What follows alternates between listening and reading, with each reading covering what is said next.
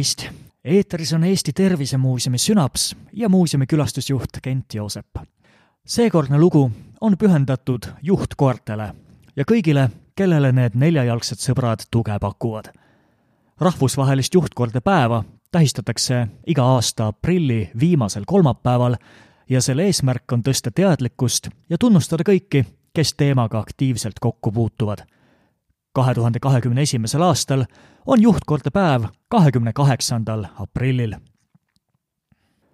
juhtkoer on spetsiaalse väljaõppe läbinud töökoer, kes on nägemispuudega inimesele abiks turvalisel ja iseseisval liikumisel väljaspool kodu. kindlasti on ta enamat kui ainult tuim käsutäitja. ta on ka sõber, ta on ka seltsiline, kindlasti on ta omaette isiksus nagu on öeldud Eesti Juhtkoerte Kasutajate Ühingu kodulehel, siis tsiteerin, inimene, kel kord on olnud juhtkoer, ei saa enam sellest nii-öelda jutumärkides tõvest lahti. see on elustiil. juhtkoera kasutamine oma igapäevastel käikudel ja kõigis oma tegemistes on nii iseenesestmõistetav, et kui ühel hetkel koera kõrval pole, oleks nagu poolest iseendast ilma jäänud.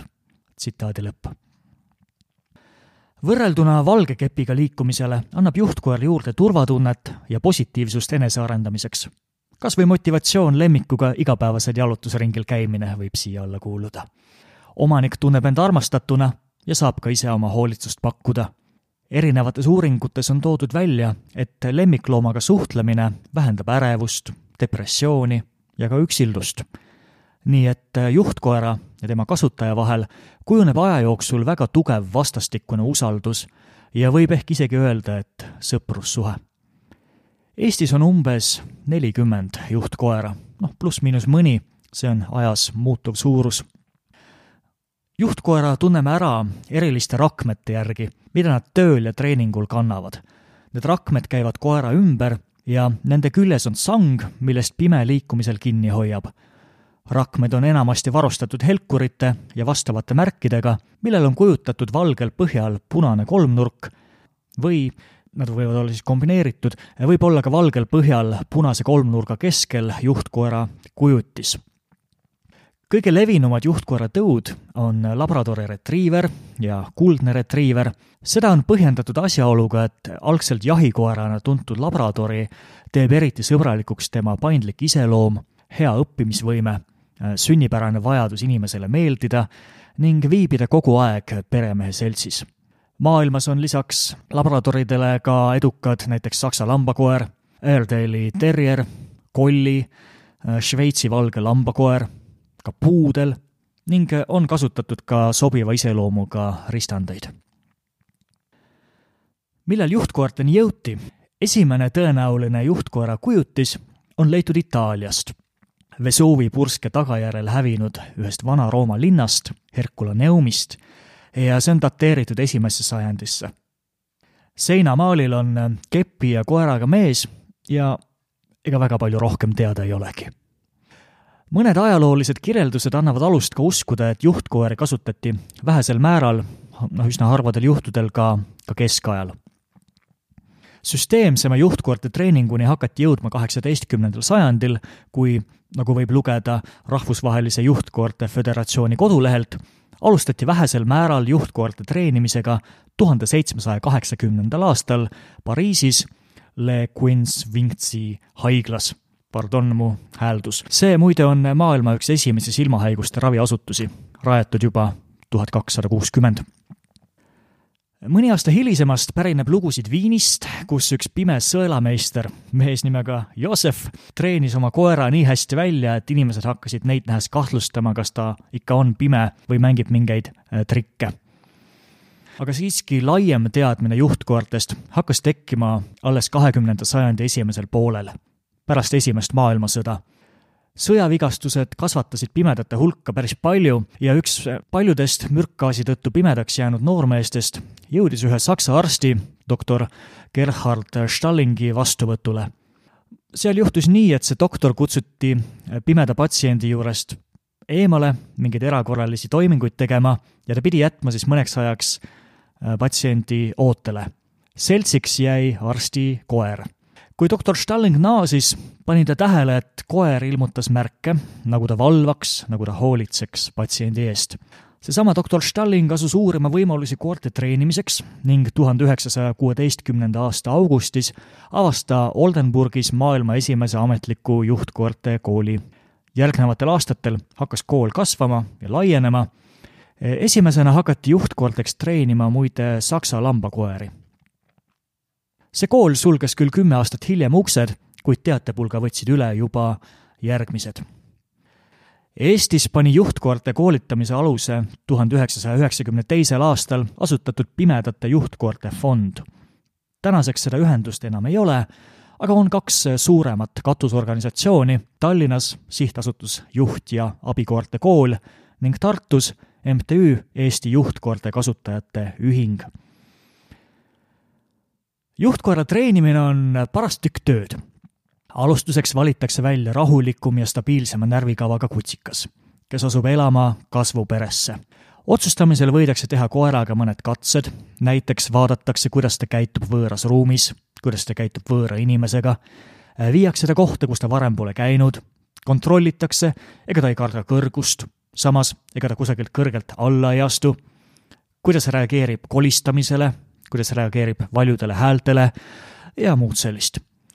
kasvuperes on kutsikas kaksteist kuni viisteist kuud ja elab seal üsna tavapärast kutsikaelu. küll aga hoidutakse pallimängudest ja üldse liikuvate objektide tagaajamisest. pärast seda kolib juhtkoer treeneri juurde, kus algab järjepidev õppimine.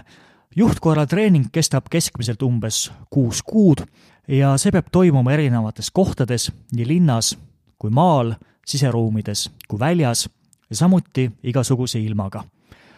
koera õpetatakse sõitma erinevates transpordivahendites, temaga käiakse külas, käiakse erinevatel üritustel, eh, tuleb teha hästi palju nii-öelda kuiva trenni.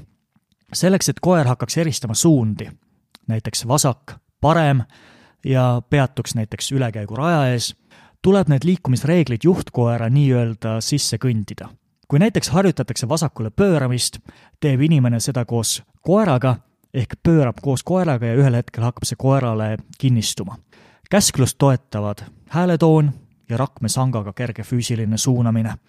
juhtkoeri õpetatakse tavaliselt liiklema selles linnas, kus nad ka hiljem tööle asuvad. kui treener on koerale vajalikud käsud selgeks õpetanud, siis katab ta oma silmad kinni ja üritab tänavail siis ise pimedana koera kasutada. ja siinkohal tuleb appi ka teine, teine oluline inimene, nimelt sujundaja. sujundaja käib treeneri selja taga ja jälgib, et ei juhtuks olulisi apse ja liikumine oleks võimalikult ohutu. sujundaja liigub juhtkoerast ja pimedast paar sammu tagapool ja annab juhtkoera kasutajale vaikselt tagasisidet koolituse lõpuks toimub juhtkoera ja pimeda kokkuõpe. seda tehakse samuti mitmes eri paigas ja tavaliselt saab nägemispuudega inimesest ja juhtkoerast teineteist mõistev koostööpaar umbes ühe või paari kuuga. pensionile on soovitatav juhtkoer jätta kümne, üheteist aasta vanusena uue abilise muretsemise järel võib vana koera paigutada mõnda teise peresse puhkusele, no hea, kui saab sinnasamasse kasvuperesse ta tagasi, kuid tuleb ette ka seda, et pime või vaegnägija ei soovigi oma sõbrast lahkuda ja eelistab teda lõpuni edasi pidada. mida juhtkoer siis teha oskab? liikumiseks on põhimõtteliselt kaks varianti. esiteks, kas liigutakse ainult ja ainult kindlaid marsruute mööda mis õpitakse siis peensusteni selgeks, näiteks kuidas minna poodi, kuidas minna lähimasse apteeki, kohvikusse või ma ei tea, vanaema poole, või siis teine variant liikumiseks on käia vabalt valitud marsruuti mööda ja sealjuures juhtkoer ei tea, kuhu minnakse. ta liigub etteantud suunas, mida muudab ainult juhtkoera kasutaja ise. ja nii on võimalik vabalt liikuda näiteks nägemispuudega inimesel, kes piirkonnas hästi orienteerub kes näiteks varem on olnud nägija ja teab neid tänavaid väga hästi. juhtkoerale õpetatakse Eestis järgnevad oskused.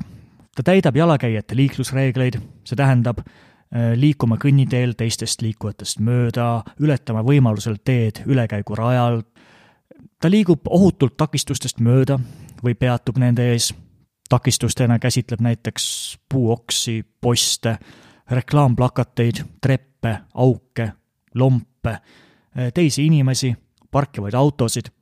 viimastel aastatel on linnapilti ilmunud ka hulk üsna hääletuid elektriautosid ja tõukerattaid. ka nende vahel ja ümber liikumisel on juhtkoer toeks. juhatab kätte otsitava koha, näiteks trepp, uks, pink, buss või zebra käsklusi saab selgeks teha umbes nelikümmend ja neid saab ka omavahel kokku panna. saab näiteks öelda otsi zebra või otsi uks vasakul. Levinud käsklus liikuma hakkamiseks on teele. juhtkoer püsib samal tänava poolel ja hoiab otse suunda ning muudab seda vaid vastavalt käsklusele. oskab viia inimese ühissõidukini ning on seal rahulik samuti tõstab üles, annab juhtkoera kasutajale tema maha pillatud esemed on sõnakuulelik ja muidu ka igatepidi kombekas. see asi veel ka, et juhtkoer ei pea kandma suukorvi ja temaga võib takistamata minna avalikesse ruumidesse ja üritustele. mõne aasta tagant pärineb lugusid, kuidas liigagarad turvatöötajad hakkasid juhtkoeraga pimedat näiteks kaubanduskeskusest välja talutama, sest polevat ette nähtud. on ikka küll, juhtkoer on väga sõbralik ja kindlasti ta kedagi ei hammusta. ja suu peab olema vaba just selle jaoks, et ta saaks vajadusel märku anda. kuidas käituda, kui juhtkoera kohtad? See on kahtlemata väga põnev ja meeldejääv kohtumine, kuid tasub pidada meeles, et pole põhjust juhtkoera katsuda ega tema tähelepanu omapoolsete häälitsustega püüdma hakata. juhtkoer on küll üliarmas, aga ta teeb tööd ja täiendavad talle suunatud signaalid võivad teda segadusse ja isegi eksimiseni viia. halvemal juhul võib see lõppeda isegi juhtkoera või pimeda vigastatud saamisega. samuti pole vaja pakkuda juhtkoerale süüa. Esiteks, sa kunagi ei tea, kas loom võib olla sellele ampsule allergiline või on ta kindlal eridieedil, samuti võib korduval toitmisel kujuneda juhtkoeral harjumus ja ta võib hakata soovitud teekonnast kõrvale kalduma, lootuses jõuda ikka ja jälle sinna paika ja selle inimese juurde, kes midagi head on pakkunud. kui sulle tundub, et juhtkoer ja pime on sattunud kuidagi eksiteele, tunduvad sealjuures segaduses, võib minna julgelt juurde küsida, et kas saab kuidagi kasulik olla. aga kindlasti küsida, kas seda abi üldse vajatakse. ja kui vajatakse, siis millist Pole põhjust hakata ise kuidagi juhtkoera rakmetest sikutama. suhelge juhtkoera kasutajaga, koerale annab käsklusi ainult ja ainult tema. lõpetuseks üks õpilase küsimus, mis on meelde jäänud meie muuseumitunnist nimega Nägemata nähtud maailm. Küsimus siis selline, et kuidas juhtkoer saab aru, kas fooris põleb punane või roheline tuli? ega ta foori ei tunnegi ja samuti ei erista koer värve selle teele astumise ja selle ületamise otsustab pime ise, võttes sealjuures arvesse ümbritsevaid helisid ja teiste inimeste ja sõidukite liikumist või peatumist. mõnes kohas jah, on küll foorile lisatud ka täiendavalt helisignaal, mis pimedale liikluse paremini hoomatavaks muudab, kuid kahjuks see süsteem on vähelevinud ja üsna kaootiline. see tähendab, et need helisignaalid pole piirkondades ühtlaselt kasutusel. mõnes kohas on, aga enamasti ei ole ja, ja neile alati loota kahjuks ei saa. see on siis mõtlemise koht ligipääsetava linnaruumi kujundajatele. selleks korraks kõik. Head juhtkoorte päeva kõigile! kui sa tunned teema vastu sügavamat huvi, siis lisan mõned asjakohased lingid ka meie Simplecasti episoodi kirjelduse alla kuula Synapsi uusi ja varasemaid osasid Spotify's, Simplecastis, Google ja Apple podcasti keskkondades. külasta ka meie teisi virtuaalkanaleid, Facebook, Instagram ja Youtube on alati avatud, nagu ka meie koduleht. ja veel parem, tule muuseumisse. Kuulmiseni ja kohtumiseni juba Tervisemuuseumis.